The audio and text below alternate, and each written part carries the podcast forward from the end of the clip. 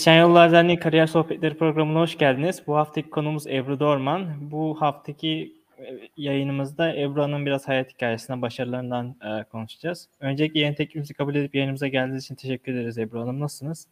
Teşekkürler Ömer. Sen nasılsın? Ben deyim teşekkür ederim. Dilerseniz sizi böyle yavaştan tanıyalım. O şekilde başlayayım yayınımıza. Ebru Dorman kimdir? Neler yapmıştır bu zamana kadar? Bize kendinizden bahsedebilir misiniz biraz? Tabii. Şimdi bu giriş videosunda da çok değerli konukları gösterdin. Gerçekten e, çok ilginç meslekler tanıtılmış. Ben burada sizlere tek bir mesleği tanıtamayacağım. Çünkü pek fazla mesleği aslında deneyimleme şansım oldu. E, dolayısıyla kariyer hikayemi anlatırsam sanırım e, o da ilginç bir e, e, bilgi aktarımı olur ve umarım e, sizin için yeni bir takım e, ilham ve ipuçları verir. E, ben mahalle ilkokulunda okudum. Ardından Nişantaşı Anadolu Lisesi'ni kazandım. E, üniversitede Boğaziçi e, ilk tercihim olan endüstri mühendisliğine girdim. E, neden endüstri mühendisliği diye e, sorarsanız e, aslında mühendis olmak istediğimi biliyordum. E, fakat e, dar bir alanda kendimi kısıtlamak istemiyordum. E, ve endüstri mühendisliği en böyle joker gibi her alana uygulanabilecek ve özellikle seçmeli derslerle de kendimi mühendislik dışı alanlarda da geliştirmeme imkan sağlayacağı için bana en cazibi gelmişti. E, mühendislik hiç yapmadım e, ama oraya da geleceğim. E, Boğaziçi 3. E, sınıfta okurken e, yurt dışına gitme e, niyetiyle e, TÜBİTAK Bilim Bursu'na başvurdum, NATO Bilim Bursu'na ve kabul edildim. E, bunun şartlarından biri de Amerika'da çok iyi bir üniversiteden doktoraya kabul edilmiş olmaktı. E, ben birkaç yerden aldığım kabulümü, tercihimi Berkeley'den yana kullandım. E, orada endüstri mühendisliği ve e, yönelim araştırma doktorasına başladım. E, ilk yıl boyunca aslında öğrendiklerim yani benim e, Türkiye'de Boğaziçi gibi bir üniversitede aldığımız eğitimin ne kadar güçlü olduğunu gösterdi. Yani master dersleri bizim e, üniversite undergrad'da öğrendiğimiz derslerle neredeyse eşdeğerdi. E, orada e, tesadüf eseri bir gün kariyer günlerinde böyle bir e, sohbet toplantısına katıldığımda McKinsey diye bir danışmanlık şirketiyle tanıştım. Yönetim danışmanlığının ne olduğunu ilk defa öğrendim. E, ve o sayede e, onlarla bir staja başlamaya karar verdim. Ancak e, onlar beni e, o dönemde yeni açılmakta olan e, İstanbul ofisleriyle görüştürmek istediler. Ve ardından e, ben görüşüp teklif aldığımda tam zamanlı bir teklif oldu. E, bu tam zamanlı teklifle de benim e, en önemli ilk kariyer kararım e, ortaya çıktı doktoraya devam edip e, Berkeley'de kalmak ya da İstanbul'a geri dönüp McKinsey'de e, ofisin ilk beş danışmanından biri olarak çalışmaya başlamak. Ben ikincisini seçtim. E, bunun içinde e, büyük bir şirketin hani startup ofisinin parçası olmanın heyecanı e, en büyük etkenlerden biri oldu açıkçası. E, ardından e, ben e, yine McKinsey'de çalışırken Polonya'da bir projede 6 ay boyunca e, görev yapma şansım oldu. E, ve tekrar Amerika'ya gidip okuma e, niyetim e, ağır basınca bu sefer McKinsey'nin sponsorluğuyla MBA yapmak üzere başvurularda bulundum. Ve Harvard'da iki yıl boyunca MBA'mi yaptım. 99 yılında mezun oldum. Ee, MBA stajı esnasında yatırım bankacılığını deneyimleme fırsatım oldu. Ee, ben üniversitede okurken bankacılık çok ilgimi çekiyordu. Pek çok finans dersi de almıştım. Fakat bu staj sayesinde aslında bunun zannettiğim kadar da bana uygun olmadığını gördüm. Dolayısıyla staj fırsatlarınızı hem neyi istediğinizi hem neyi istemediğinizi daha iyi anlamak için lütfen siz de çok iyi kullanın. Ee, ben e, mezuniyetten sonra McKinsey'ye geri döndüm. Bu sefer Londra ofisine katıldım. Fakat e, o dönemde işte 99 senesinde katıldığımda e, inanılmaz bir startup furyası vardı ve benim etrafımda da pek çok arkadaşım e, girişim dünyasına atılıyordu. Benim McKinsey'deki rollerim de hep girişimci ekiplere danışmanlık vermek üzerineydi. E, ben de girişimcilere danışman olmak yerine ben kendim de e, girişimci olmak istiyorum deyip e, istifamı verdim ve o an böyle içimi kıpır kıpır yapan bir e, fikrin üzerinde daha yoğun çalışabilmek için Nisan 2000'de ayrıldım. Bu da e, Nasdaq crash denen yani bu dot-com bubble'ın patlaması denen döneme rast geldi. E, bize yatırım yapmayı düşünen melek yatırımcılar ve erken aşama fonlarda e, yatırımdan vazgeçtiklerinde ben e, bir karar vermek zorunda kaldım. Ya e, inatla işte bekleyeceğiz, piyasaların düzelmesini ümit edeceğiz, daha çok kapı çalacağız ve bir yatırım bulacağız ya da bunu rafa kaldıracağız ve kurumsal hayata geri döneceğiz. E, ben o dönemde bu e, pazardaki çöküşün çok hızlı geçmeyeceğini hissettiğim için rafa kaldırıp kurumsal hayata geri dönmeyi seçtim. Fakat e, bu başarısız girişimim benim için aslında çok önemli bir dönüm noktası oldu. E, çünkü başarısızlığın aslında o kadar da kötü bir şey olmadığını en güzel o dönemde deneyimledim. Tabii ki kendimi çok kötü hissettiğim zamanlar oldu. E, ancak e, bir sonraki işime kabul edilirken Morgan Stanley'de yeni kurulan girişim sermayesi fonunun ilk çalışanı olarak ekibe davet edilirken biz seni işte okuduğun okullar, McKinsey'de çalıştığın için değil, bunlara rağmen cesaret göster gösterip girişimci olduğun için e, bizimle çalışmanı istiyoruz dediler. Dolayısıyla hani başarısız olabiliriz ama başarı bizi daha ileriye götürebilir, yepyeni kapılar açabilir. Bunu da çok erken yaşta deneyimlemiş olmak benim kariyerimin geri kalan kısımlarında başarısızlıkla daha barışkın bir insan olmamı sağladı. E, Morgan Stanley'de e, girişim sermayesi fon alanında çalışırken oradaki yöneticilerimden birini takip edip Orange Ventures'a geçtim. 3 yıl kadar da orada girişim sermayesi yatırımları yaptım. Daha sonra da Orange'ın business tarafına geçtim. 7 yılda e, business tarafında görev aldım. E, ardından bu sefer Orange'dan bir yöneticimi takip ederek Malezya'da Maxis adında bir telekom operatörüne, Orange da bir telekom şirketi, Frans Telekom'un bünyesinde e, transfer oldum. Sene 2011. E, Malezya'ya taşındığımda e, oğlum daha 4,5 yaşındaydı. Şimdi 16 yaşında. E, Malezya'da çok güzel bir deneyimimiz oldu. Orada iki farklı rolde bulundum. E, ardından da sürpriz bir şekilde Türkiye'den gelen bir e, iş teklifini kabul ederek e, İstanbul'a dönme kararı aldım. 2013 yazında Türkiye'ye döndüm. E, o günden bu yana da önce e, bu teklifin geldi Acıbadem Sağlık Grubu'nda ardından da e, Meyve Holding e, bünyesinde e, çok keyifli işler yaptım. 5 yıl aşkın süre Meyve Holding CEO'su olarak rol aldım. İşte grubun teknoloji, yenilebilir enerji ve e, konaklama alanındaki e, işleriyle ilgilendim. Bir yandan da yeni yatırımlar yaptık. Bu yatırımların bir kısmı da belki bir kısmınızın tanıyacağı Starters Hub'ın kuruluşuyla gerçekleşti. E, daha fikir aşamasından içinde olduğum Starters Hub'ın 5 yıl boyunca yönetim kurulu başkanlığını yaptım. Bu dönemde 60 kadar e, şirkete yatırım yaptık erken aşama teknoloji şirketine. Yüzlerce e, startup girişim ekibiyle tanıştım pek çoğuna mentorluk yapma keyfine ulaştım. Bir yandan melek yatırımlar da yapmaya başladım. Halen de melek yatırım yapıyorum aktif olarak. E, Nisan 2020 yılında bu rollerimi bırakıp yeni bir e, sayfa açtım kariyerimde ve yeni dönemde de e, bazılarının portföy kariyeri dediği bir e, faza geçmiş oldum. E, birden fazla şirkette e, yönetim kurulu üyesi olarak görev almaktayım. İşte bunlar HSBC Bank, e, Borsan Lojistik, Saran Grubu e, ve en sonunda Akiş GEO'nun yönetim kurulu üyesi olarak görev aldım. Dediğim gibi melek yatırımlara devam ediyorum. E, ve benim için çok önemli bir başka dönüm noktası da geçtiğimiz sene yazdığım kitabım oldu. Hayallerin Ötesinde Yaşamak kitabım. E, bu da bana yepyeni bir deneyim ve çok güzel e, yeni pencereler açtı. E, hayat deneyimi kazandırdı. Ve bu kitabım sayesinde hani yıllardır yapıp keyif aldığım mentorluğu bambaşka bir seviyeye taşıyıp işte insanların kalbine dokunabilme imkanını edindiğim için de çok mutluyum.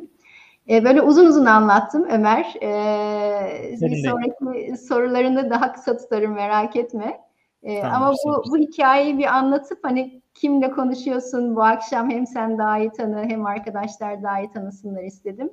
Bunu çok daha e, detaylı e, hali kitabımda da var. E, kitabın yaklaşık bir dörtte biri ki kısa bir kitap aslında bir iki günde okunuyor. E, bu kariyer hikayemle ilgili. Geri kalanı da hayatta mutlu ve başarılı olmanın sırları nedir sorusunun cevabı. Yani bir alet kutusu şeklinde e, bunları aktarıyorum. E, umarım e, dinleyicilerimiz de alıp okurlar, faydalanırlar.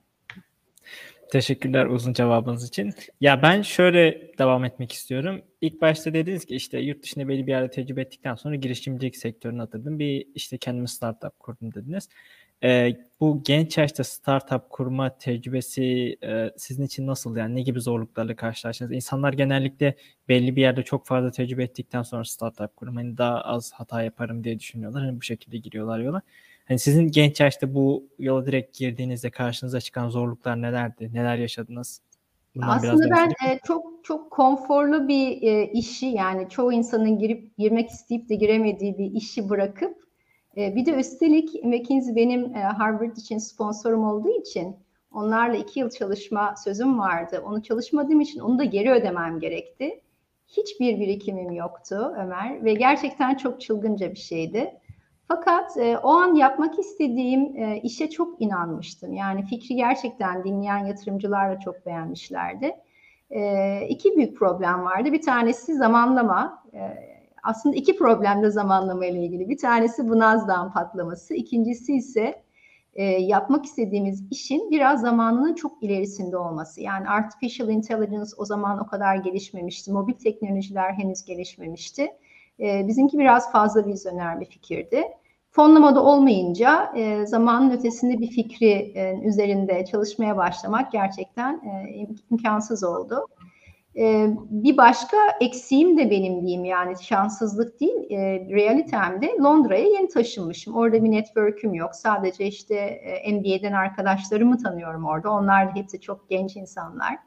E, dolayısıyla hani e, biraz network'ünün de insanın zengin olması e, bir iş kurarken çok faydalı diye düşünüyorum. Yani senin dediğin gibi insanların daha ileri yaşta girişimci olmayı tercih ederken sebepleri işte bir finansal e, özgürlük diyelim veya daha bir stabil hale gelmiş olmak, biraz daha konforlu hale gelmiş olmak, e, maaşsız yaşama konforuna erişmiş olmak belki e, ikincisi e, deneyimler, biriktirdiğimiz deneyimler. Üçüncüsü network'ümüz. Bunların hepsi de aslında o zorlu başlangıcı, o ölüm vadisini atlayabilmeyi sağlayan şeyler.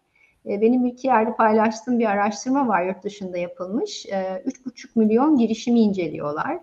E, bunların arasında en başarılılarına bakıyorlar ve en başarılılarının kurucularının o girişimi kurduğu zamanki yaş ortalaması 45 çıkıyor. Ve yani bu beni hiç şaşırtmadı aslında. Yani bütün bu biraz önce söylediğim sebeplerden dolayı. Ha tabii bir de 20'li e, yaşlarında girişimci olup çok başarılı olanlar da var. Fakat 30'lar e, arada biraz daha az başarısız gibi kalıyor. Onu da bir parantez içinde söylemiş olayım. Şöyle bir tahmini yürüttüm ben. E, yani 30'lu yaşlarımızda tam işte böyle aile kurma, çocuk, çocuğun okul parası vesaire gibi böyle finansal baskıların çok daha yoğun olduğu e, finansal özgürlüğümüzün de hala daha tam e, erişemediğimiz dönemler olduğu için e, o zorlu yolculukta pes etme e, olasılığı daha yüksek olabiliyor diye tahmin ediyorum. E, eminim 30'lu yaşlarında da çok başarılı olan girişimciler vardır. Bunlar sadece istatistikler e, olarak e, ortaya çıkan resim. Her zaman istisnalar olacaktır. Evet. Ee, teşekkürler cevabınız için. Ya şöyle devam etmek istiyorum ben. Uzun süre yurt dışı tecrübenizden sonra Türkiye'ye dönmüşsünüz. Açıkçası yani Türkiye'ye dönmek sizin için gerçekten iyi bir karar mıydı? Yani Türkiye'ye döndükten sonra keşke işte neden buraya geldim geriye neden döndüm diye bir düşünce oluştu mu aklınızda? Yani pişman oldunuz mu Türkiye'ye döndüğünüzde? Ee, hiç pişman olmadım Ömer. Aslında dışarıdan baktığında belki ne kadar da kötü bir zamanda dönmüş diyebilirsin. Ben 2013 yılında döndüğümde işte dönmeden kısa bir süre önce gezi olayları olmuştu. Sonra işte 17 e, Aralık olayları, sonra bir dolu seçim, işte kalkışmalar yani ülke devamlı böyle bir e, zorlayıcı gündemler içinde e, çok e, zor dönemler yaşadı açıkçası. Fakat ben aslında her ortamda mutlu olmayı bilen bir insanım birincisi. Yani daha önce yaşadığım her yerde de çok mutlu oldum. E, Malezya'da ilelebet kalabilirdim, Londra'da ilelebet kalabilirdim. E, ama değişiklik güzel bir şey. Bir de yurt dışında biriktirip kazandığım o deneyimleri gelip e, ülkemde faydalı bir işlere dönüştürmeye çalışmak da beni açıkçası manevi olarak e, oldukça e, besleyen bir şey oldu. E, diğer yandan hani bir laf vardır İngilizce grass is greener on the other side yani komşunun bahçesi daha yeşil görünür. görünür. Hani biz şimdi Türkiye'deyiz, Türkiye'nin bir sürü problemi var, yurt dışı daha rahattır diyebiliriz ama yurt dışında pek çok ülkenin de problemi olduğunu görüyoruz yani dünya basınını takip edenler e, farkındalar. Gerçekten dünyanın her yerinin kendine göre farklı problemleri var. E, ama hani yurt dışına gitmeyin manasında söylemiyorum bunu. Sadece onu gözünüze çok büyütmeyin diye söylüyorum. E, her yerde mutlu ve başarılı olabilirsiniz. Her yerin kendine göre kolaylıkları, zorlukları var. E, biraz da şansınızın yaver gitmesi de önemli. E, çok çalışacaksınız. Yani nerede olursanız olun çok çalışacaksınız başarılı olmak için.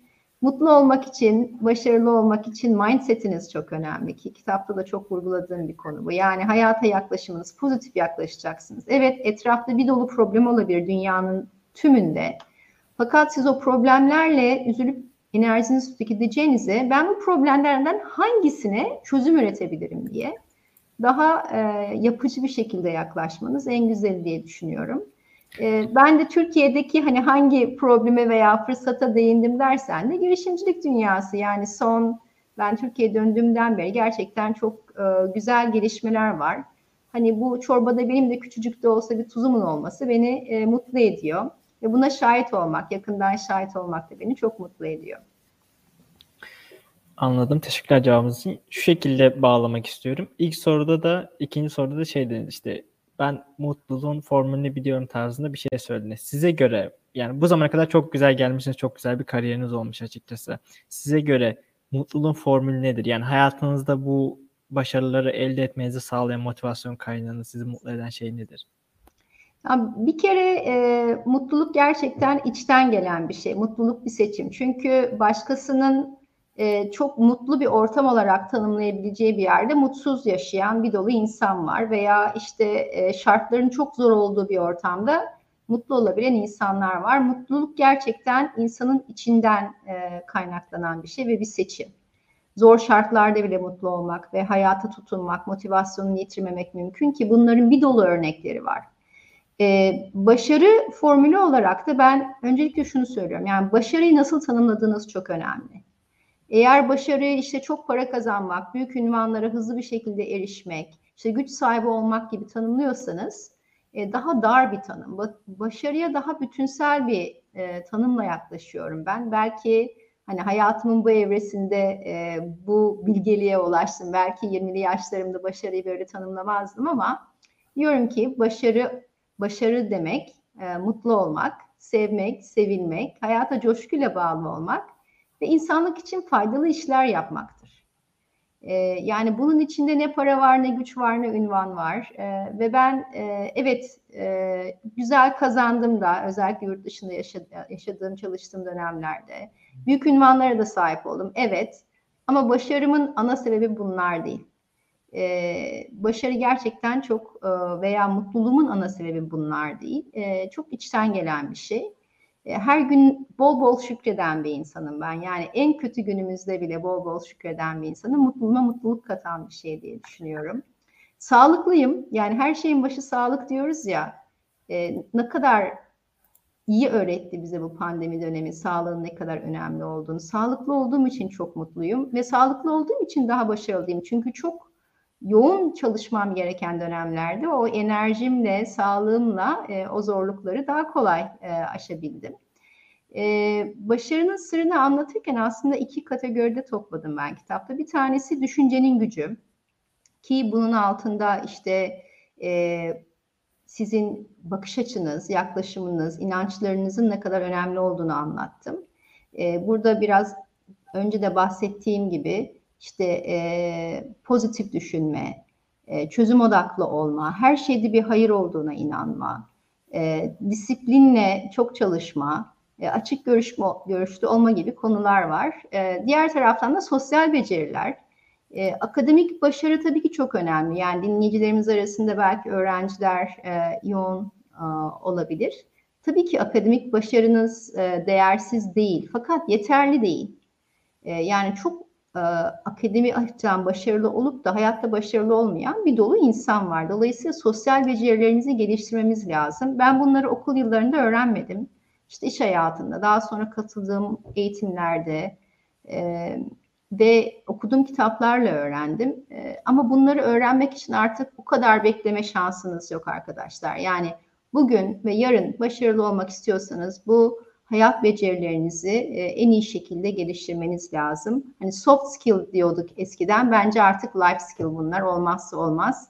21. yüzyıl yetkinlikleri e, mutlaka geliştirmeniz gereken e, ve güçlü olmanız gereken rakiplerinizden yani rakip diyorum çünkü gerçekten çok e, arzu edilen işlere girmek için çok büyük rekabet var. Yani bizim dönemimizden daha büyük bir rekabet var o 21. yüzyıl yetkinlikleri sizi gerçekten ayrıştıracak e, unsurlar olacak. Anladım. Ya sıradaki sorum da şu şekilde. Ee, insanlar genellikle böyle geçmişlerinde bir hata yapıyorlar ve hani o hataya takılıp kalıyorlar ve hani bu günlük yaşamlarında geleceklerinde etkiliyorlar. Peki sizin geçmişinizde yani keşke dediniz, keşke şunu yapsaydım şöyle olur, daha güzel olabilirdi dediğiniz bir pişmanlığınız var mı? Gerek okul hayatınızda gerekse ne bileyim kariyerinizde? Hı hı. Yani hiç keşkem yok diyorum ee, ama bugün genç olsam neyi farklı yapardım diye soracak olursam daha fazla sosyal sorumluluk projesinin içinde olurdum. Yani benim dönemimde e, ya benim eksikliğimdi ya da e, dönemin de biraz e, o konuda daha e, az fırsat, ortam sağlaması olabilirdi. Önceliğimiz değildi. Ama ben bugün genç olsam farklı yapacağım en önemli şey daha fazla sosyal sorumluluk projesinin içinde olmak. Yani bu hem işte biraz önce anlattım ya insanlık için faydalı işler yapmak başarının tanımlarından bir tanesi. Buna ne kadar erken başlarsanız o kadar iyi. Ama aynı zamanda bu hayat becerileri 21. yüzyıl becerilerini geliştirmeniz için de çok önemli bir fırsat. Yani işe başlamadan önce bir kurumsal hayata veya bir girişimci olarak hayata atılmadan önce e, bazı yeteneklerinizi geliştirebilmeniz açısından da öğrencilik yıllarında bu sosyal sorumluluk projelerini yapmanız çok değerli diye düşünüyorum. Ha bir de bir başka etkisi daha var. O da e, oluşturduğunuz network. Yani belki okulda yaptığınız e, bir sosyal sorumluluk projesiyle başka türlü tanışmayacağınız e, öğrencilerle arkadaşlık edineceksiniz. Belki ileride onlardan bir tane sizin co-founder'ınız olacak veya onun vesilesiyle başka bir e, kuruma geçerken onun tanıştırmasıyla iş bulacaksınız kendinize. Yani bu network e, ne kadar erken zenginleştirmeye başlarsanız o kadar iyidir. E, network demişken de network'ünüze hep işte ben buradan ne alırım diye değil, ben buraya ne katabilirim diye de yaklaşırsanız çok daha değerli ve uzun vadede size daha çok fayda sağlayacak bir network'ünüz olur. Çok güzel tavsiyeler verdiniz açıkçası. Bunun için teşekkür ederim size. Ee, sıradaki sorum da şu şekilde. Yani az önce dediniz aslında bunu. Daha fazla sosyal sorumluluk projesinde görev alırdım dediniz ve hani geçmişinize baktığınızda çok fazla şirkette hani görevleriniz olduğunuzu görüyoruz. Peki yani Ebru Dorman'ın bir günü nasıl gidiyor? Nasıl geçiyor? Yani planlamanızı nasıl yapıyorsunuz? Bu yoğun hayatınıza, bu yoğun temponuza nasıl ayak uyduruyorsunuz açıkçası? İnsanlar ne bileyim hani bu özellikle pandemiden sonra çok fazla bunalıma girdiler ve hani belki bir işi yapmayı bile zor geliyor insanlara artık. Hani siz evet. bu tempoya nasıl ayak uyduruyorsunuz? Ya aslında benim tempom e, azaldı Ömer. Yani en azından kurumsal sorumluluk tarafına. Çünkü daha önce tam zamanlı çalışırken şimdi yarı zamanlı e, farklı şirketler çalışıyorum. Yani yönetim kurulu üyeliği şöyle. Ben bağımsız yönetim kurulu üyesi olduğum için bir kere icraya karışmayan bir rol bu. Ve e, şirketten şirkete değişmekle beraber bu toplantılar 3 ayda bir veya ayda bir yapılıyor. Öncesinde e, pek çok şirkette bir e, dokümanlar paylaşılıyor, e, sunumlar paylaşılıyor. Onları okuyorsunuz. Sonra girip tartışıyorsunuz. Böyle 3-4 saatlik bir toplantı. Yani saat olarak topladığında aslında yönetim kurulu üyelikleri yani ön hazırlıkları da dahil tam zamanlı bir işe, işe e, eşdeğer değil. E, ve bu benim çok bilinçli bir seçimim. Yani çok daha fazla YK'ya girebilirdim ama istemiyorum. Çünkü e, her birine katacağım değeri de sulandırmak istemiyorum. Bana kalan özgür vaktimde kendimi farklı şekilde geliştirmem hem beni daha mutlu ediyor hem daha çok yönlü bir insan yapıyor.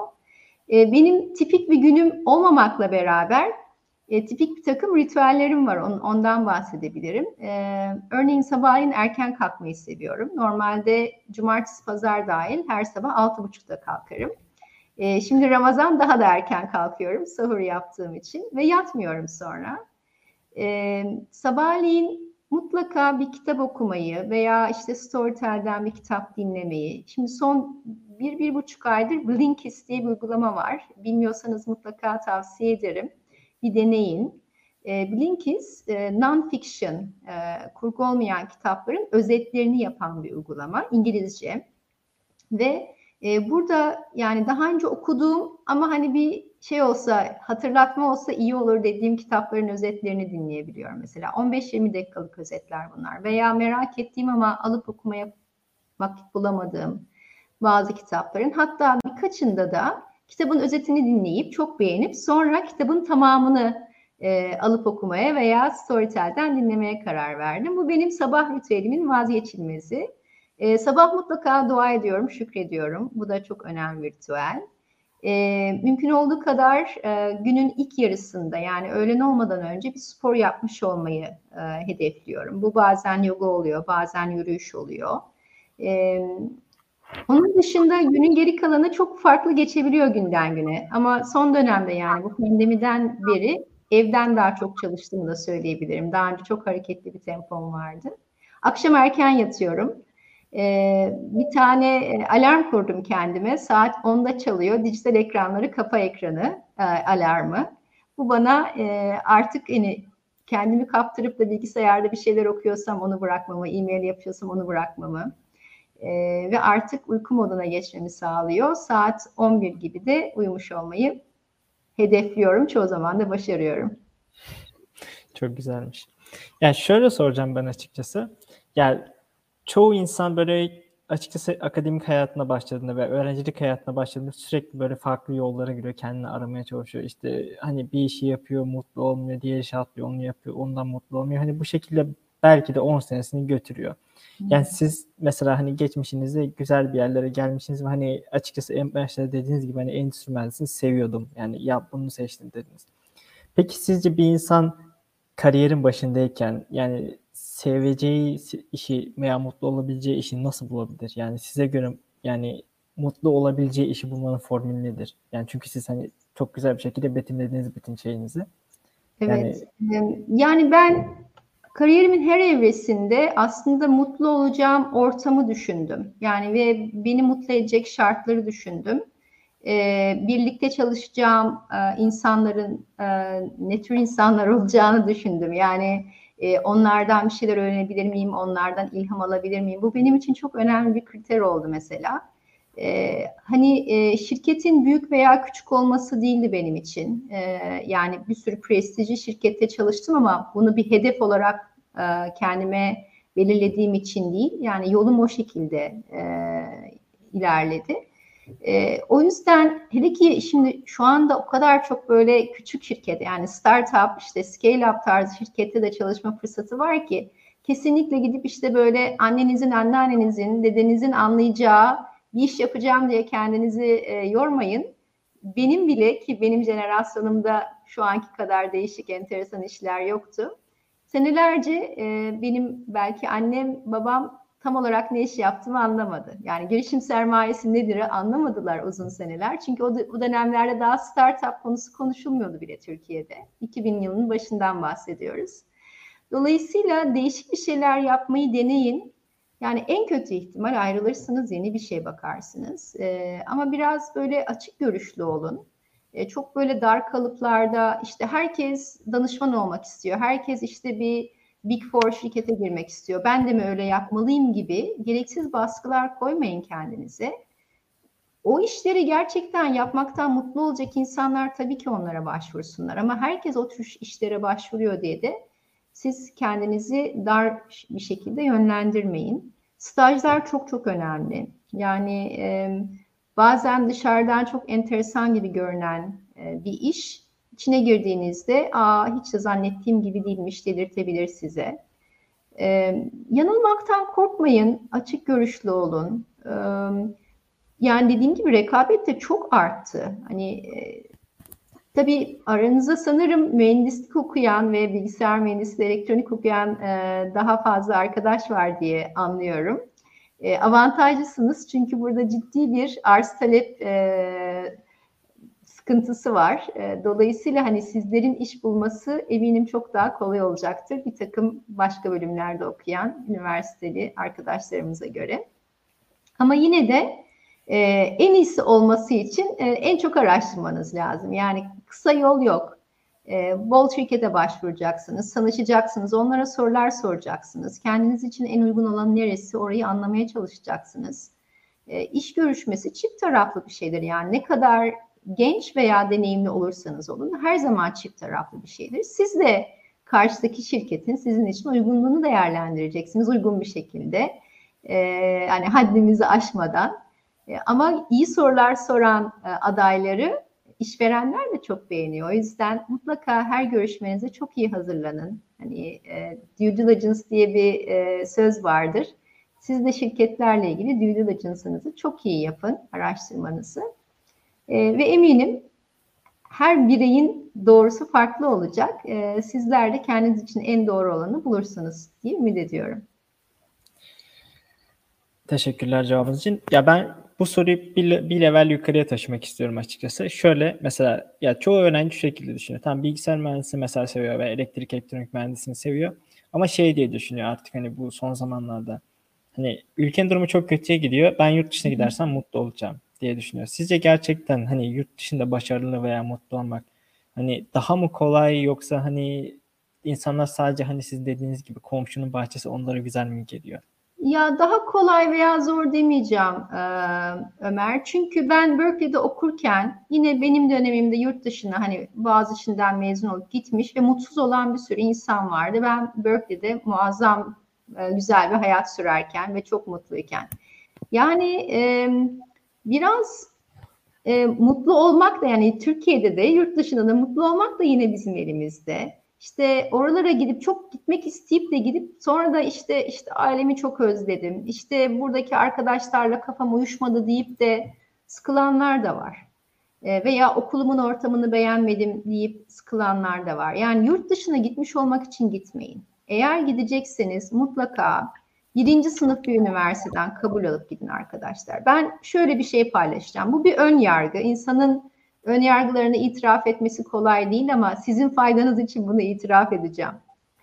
Ee, ben bir CV'de ki yüzlerce CV gördüm, yüzlerce adayla mülakat yaptım. Bir CV'de ikinci, üçüncü sınıf bir yurt dışı üniversiteyi gördüğüm zaman o benim için inanılmaz bir eksi. Hiç yurt dışında okumamış bir insana göre. Neden? Yani yurt dışında okumamayı seçmek gayet kabul edilebilir bir seçim. Yani herkes master yapmak zorunda değil, herkes doktora yapmak zorunda değil veya üniversite yurt dışında okumak zorunda değil.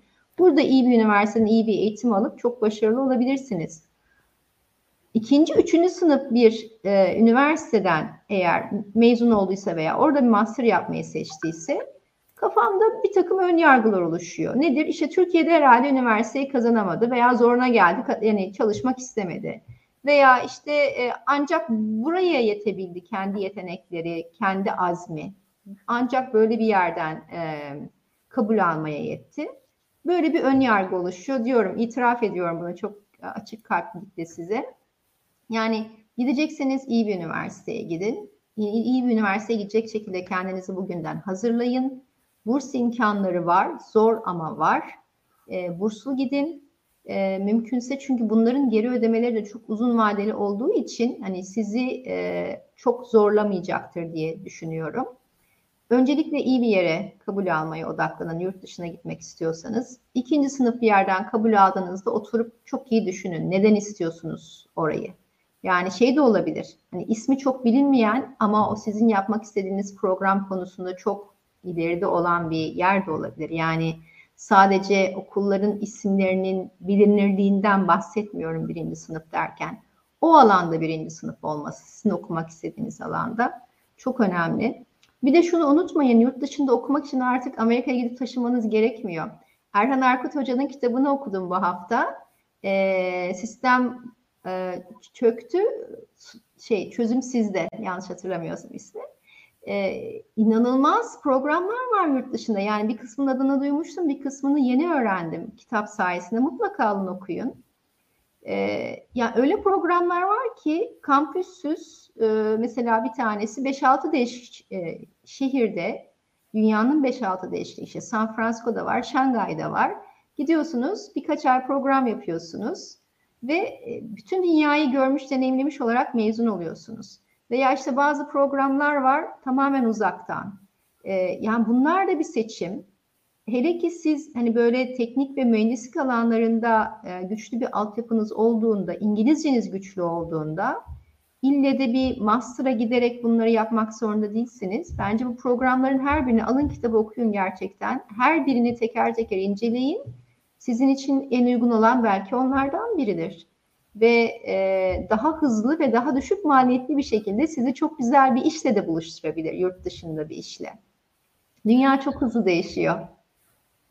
Ya anladım ama şu şekilde değil mi? Yani hani dediniz ya birinci sınıf veya ikinci sınıf bir üniversiteye hani ya birinci sınıf üniversiteye kabul aldıysanız, gidin ikinci sınıf üniversiteye kabul aldıysanız pek hani tercih etmemeye çalışın, daha iyi çalışın tarzında e bir yani şey. şimdi sen burada Boğaziçi'nde okumak varken, Amerika'nın ikinci sınıf veya İTÜ'de okumak varken, Amerika'nın ikinci sınıf üniversitesinde işin ne? Ama şu şekilde hani yani orada çok daha farklı insan yok mu? Yani çok daha farklı kültürlerin karmaşası yok orada mu? Daha da, fazla şey orada da e, yani tabii ki her üniversitenin bir yerli nüfusu var. Hani e, o state'te, o eyalette yaşayan insanların sadece ailelerine yakın olmak için gittikleri senaryolar da olabilir ama orada da bir seçim süreci var sonuçta. En iyi üniversiteler, en iyi Amerikalı ve uluslararası öğrencileri alıyorlar. Dolayısıyla sen burada e, İTÜ'de, ODTÜ'de, ne bileyim e, Koç'ta, Sabancı'da hani Türkiye'nin en başarılı öğrencileriyle okuma şansın varken gidip de Amerika'nın ikinci sınıf üniversitesine ancak girebilmiş öğrencilerden daha mı çok şey öğreneceğini zannediyorsun? Bence değil. Yani e, ve dediğim gibi yani üniversite burada iyi bir okulda okuyup hani iyi bir okul kazanamadınız, kaydırdınız veya yeteri kadar hazırlanamadınız. Bir daha girin sınava. Arada çalışın, deneyim edinin bir yandan e, daha iyi bir yere girmeye çalışın. Veya işte Amerika istediğiniz yer olmadı bir daha başvurun bir sonraki dönem. E, ama yani gidip de ikinci, üçüncü sınıf bir yerde bir dolu para bir de yani hani ailenizin durumu iyi olsa bile gerçekten çok yazık. E, o kadar paraları vermeye. Çünkü o okulların burs imkanları da belki biraz daha zayıf olabilir. E, bilemiyorum, bilemiyorum. Yani bu benim kişisel düşüncem. Bu tek doğrudur demek doğru olmaz. E, ama benim kişisel düşüncem. Yani ben kendi oğluma da bugünden söyledim. Daha 9. sınıfta. Amerika'da birinci sınıf bir üniversite kazanırsa tamam. Yoksa Kanada veya İngiltere'de e, nereye kazandığına bakıp böyle karar vereceğiz. Yani ikinci bir sınıf üniversite oğlumu Amerika'da göndermem kesinlikle.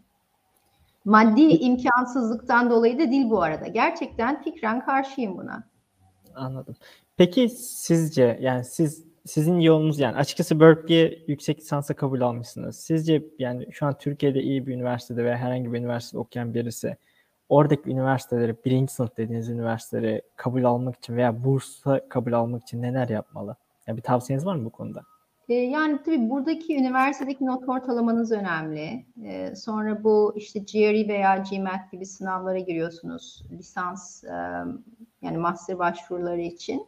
Ee, onlardan alacağınız puanlar önemli. TOEFL'ınızın yüksek olması, işte essay'leriniz inanılmaz önemli. Çünkü hani bu ilk saydıklarım hijyen faktörleri. Hani bunlar iyi değilse zaten ilk elemeyi geçmeyebilirsiniz. Ama bu bunu geçen çok sayıda başvuran oluyor. Dolayısıyla asıl ayrıştırıcı taraflar eseyler oluyor. Yani ben e, anla, birkaç defa da anlattım. Yani ilk ben hayırımı e, Stanford'dan aldım. E, çünkü bu ilk Berkeley'e başvurduğum dönemde Stanford'dan da kabul almıştım. Berkeley'e gittim. Sonra MBA için başvururken direkt ilk dönemde gayet kendimden emin Stanford'a başvurdum. E, fakat öyle alelacele hazırlamışım ki eseylerimi doğru düzgün yazmamışım. Stanford'dan e, red geldi. Ve e, yani dönüp baktığımda gördüm ki gerçekten eseylerim olabileceği en iyi seviyede değil. E, biraz fazla acele yazılmış. E, sonra geri kalan her şey aynı. Yani not ortalamaları, sınav sonuçları, referanslar, etc. E, bir tek eserleri düzelterek Harvard'a, Columbia'ya, MIT'ye girdim. Yani gerçekten çok önemli eseyleriniz. E, onlara vakit ayırın. E, başka ne söyleyebilirim? Yani Amerika'daki üniversiteler bu ders dışı extracurricular dediğimiz şeylere de çok bakıyorlar. Yani sizin bir spor, müzik veya ne bileyim bir sosyal girişimdeki e, aktiviteleriniz de orada anlattığınız hikayeyi daha renklendiriyor, güçlendiriyor. Anladım. Teşekkürler cevabınız için. Ee, yani açıkçası yani kısacası siz hani dil konusunda çok iyi bir seviyede olmanız gerekiyor diyorsunuz. Olmazsa yani, olmaz. Yani Amerika'ya gitmeyecekseniz bile, yurt dışına gitmeyecekseniz bile İngilizcenizin mükemmel olması lazım arkadaşlar. Bakın daha bir lisede bu hafta Erhan Hoca ile Darüşşafaka Lisesi kariyer günlerine konuşma yaptık. Orada da söyledim. Yani Türkiye'de kalıp bir Türk şirkette bile çalışacak olsanız İngilizcenizin mükemmel seviyede olması sizin hızla yükselmeniz için çok büyük bir fırsat. Neden? E bakın bir sürü Türk şirketi globale açılmak için bir çaba sarf ediyor. Sizin İngilizcenizin mükemmel olması demek o global fırsatlarda bir aday olmanız demek. Yani belki hiç normalde deneyim seviyenizle size verilmeyecek bir işi İngilizceniz çok iyi olduğu için belki hızlı bir şekilde e, önünüzde göreceksiniz. Veya e, multinational bir şirkette, çok uluslu bir şirket çalışacak olursanız İngilizce zaten çok işinize yarayacak. Hani şirket içi transfer için de yarayacak. Ama İstanbul'da veya işte Türkiye'nin herhangi bir yerinde çalışırken de yurt dışıyla iletişim kurabilmek için yarayacak. E bir de yurt dışına gidip okumak veya çalışma gibi bir niyetiniz varsa yani ben çok gördüm e, çok böyle ağır aksanlı ve hani orta derece İngilizce konuşan insanlar da gördüm yurt dışı çalışma hayatımda ama hiçbirini tepesi pozisyonlarda görmedim. Yani orta seviyelerde bazen rastlıyoruz İngilizcesi iyi olmayanlar ama tepe seviyelerde hepsinin İngilizcesi çok mükemmel. Yani dil iyi iletişimli bir anahtarı, iyi iletişimin yoksa da doğal olarak başarılı olamıyorsun diyebilir miyiz? Diyebiliriz sanki. Ee, yani bazı başarı kulvarlarını kendine kapatıyorsun. Hiç dili evet. olmadan başarılı olan da insanlar var tabii ki. Ee, onlara da saygımız sonsuz ama daha global çapta e, başarılı olmak istiyorsak veya işte dediğim gibi bir Türk şirkette bile e, yurt dışı ile ilgili fırsatlarda ön planda olmak istiyorsak dil hayatımızı kolaylaştıracak mutlaka. Evet kesinlikle. Ee, ya sorularım genellikle bu şekilde. Chatten de bir soru gelmiş. Bu Hı-hı. daha çok sizin özgeçmeniz, geçmişinizle alakalı özür dilerim hem işte startup sektöründe bulmuşsunuz bir girişim maceranız olmuş hem de şu anda da melek yatırımcılık yapıyormuşsunuz yani özgeçmişe bakarak öğrendim. Sizce girişimcilik mi zor yoksa yatırımcı olmak mı zor? Girişimcilik yani girişimci zor. ol, girişimci olmak mı zor yoksa yatırımcı olmak mı? Girişimci olmak çok daha zor. Ee, yani bir kere benim melek yatırım yapmak isteyen e, herkese söylediğim bir şey var. O da şu, kaybetmek e, kaybetmeyi göze alacağın miktarı yatırmalısın. Dolayısıyla ben de öyle yapıyorum. Yani kaybetmeyi göze alacağım bir parayı yatırıyorum her bir startup'a. E, dolayısıyla ben hani hayatımı o startup'ın başarısına endekslemiyorum. Başarılı olursa mutlu olurum.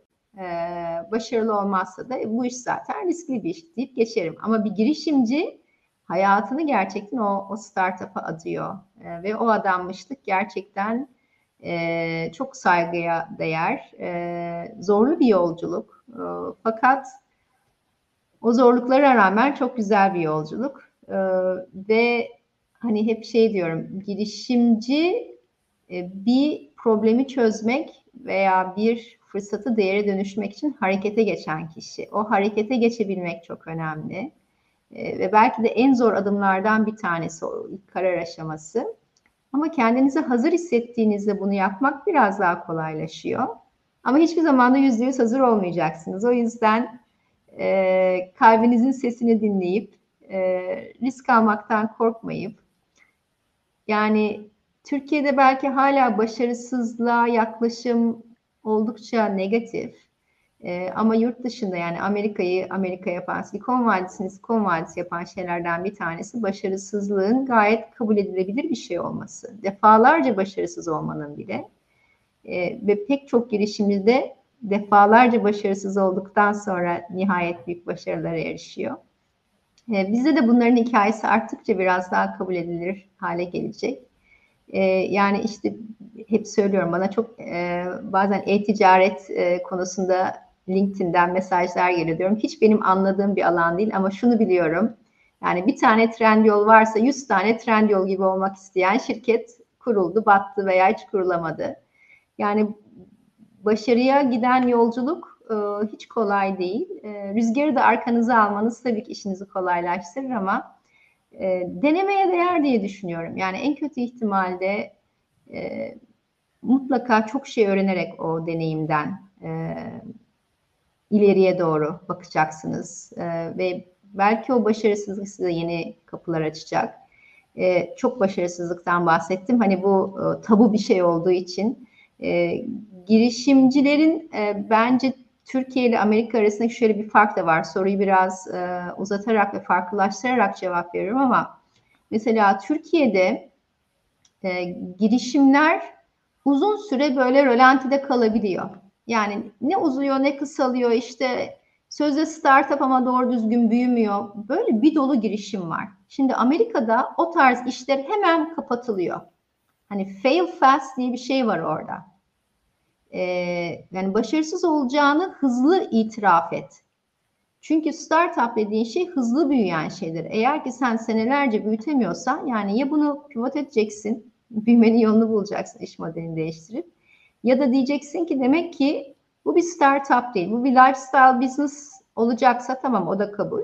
Ama ben startup girişimcisi olacağım diyorsan e, bu olmadı ve bunu kabul ediyorum diyebilmek de çok büyük olgunluk. E, bizde de yine benim tanıdığım girişimcilerin e, bir kısmının zorlandığı bir konu bu. Yani ben bu şeyle ilgili bir söz okumuşum. Çok hoşuma gitmişti açıkçası. Ne kadar iyi, ne kadar çok düşersen o kadar iyi ve o kadar güzel kalkarsın diye bir söz vardı. Benim çok hoşuma evet. gitmişti bu konuyla ilgili. Evet. Yani özeti Nel- bu olabilir açıkçası. Evet. Nelson Mandela'nın da çok güzel bir sözü var. Ben hiç kaybetmedim ya kazandım ya öğrendim diyor. Yani evet. bu yolculuk da öyle bir yolculuk. Evet. Teşekkürler cevabınız için. Ya açıkçası benim sorularım bu şekildeydi. Chat'ten de bakıyorum. Chat'te pek fazla bir şey yok. Bir e, izleyicimiz şu şekilde demiş. Kitabınızı okudum. İyi yayınlar diliyorum demiş. Teşekkür Çok güzel. Ederim. Kitabı ben de şöyle göstereyim görmemiş olanlara. Şöyle Hayallerin ben... ötesinde yaşamak. Hı hı. Yani ben açıkçası fırsat bulamadım okumaya kitabınızı. Yayın bittikten sonra hemen alıp inşallah okuyacağım müsait bir zamanında. Teşekkür ederim tavsiyeniz için.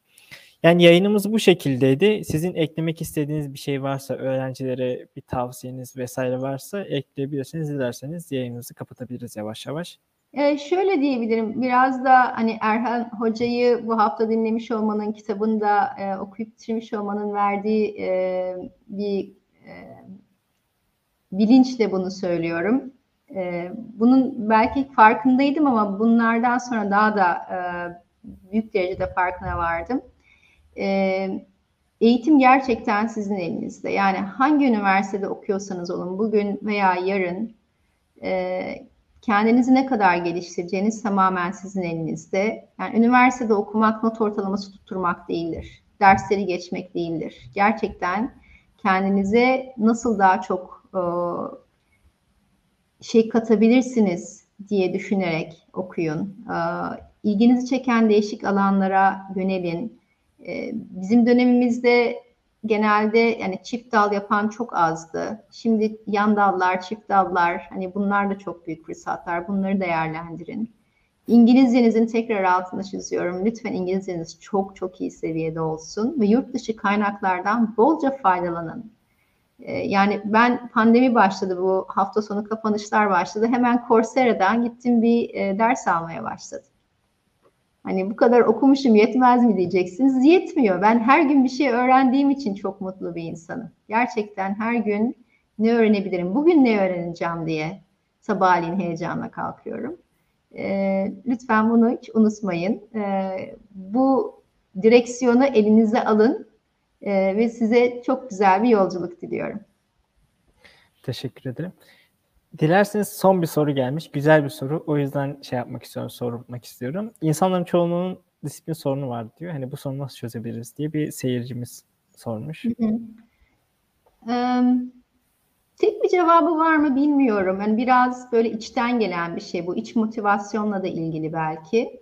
Ee, ama böyle çok motive olduğumuz bir şeyde sanırım daha disiplinli çalışıyoruz.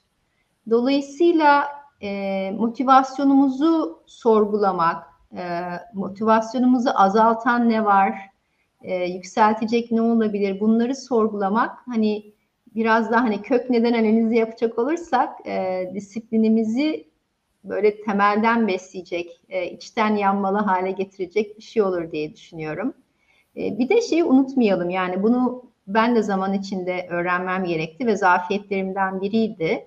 E, hayır demeyi bilebilmek veya yeter demeyi bilebilmek. Yani e, bazen karşımıza çok fazla fırsat çıkıyor. İş veya özel hayatla ilgili her şeye evet dememiz mümkün değil.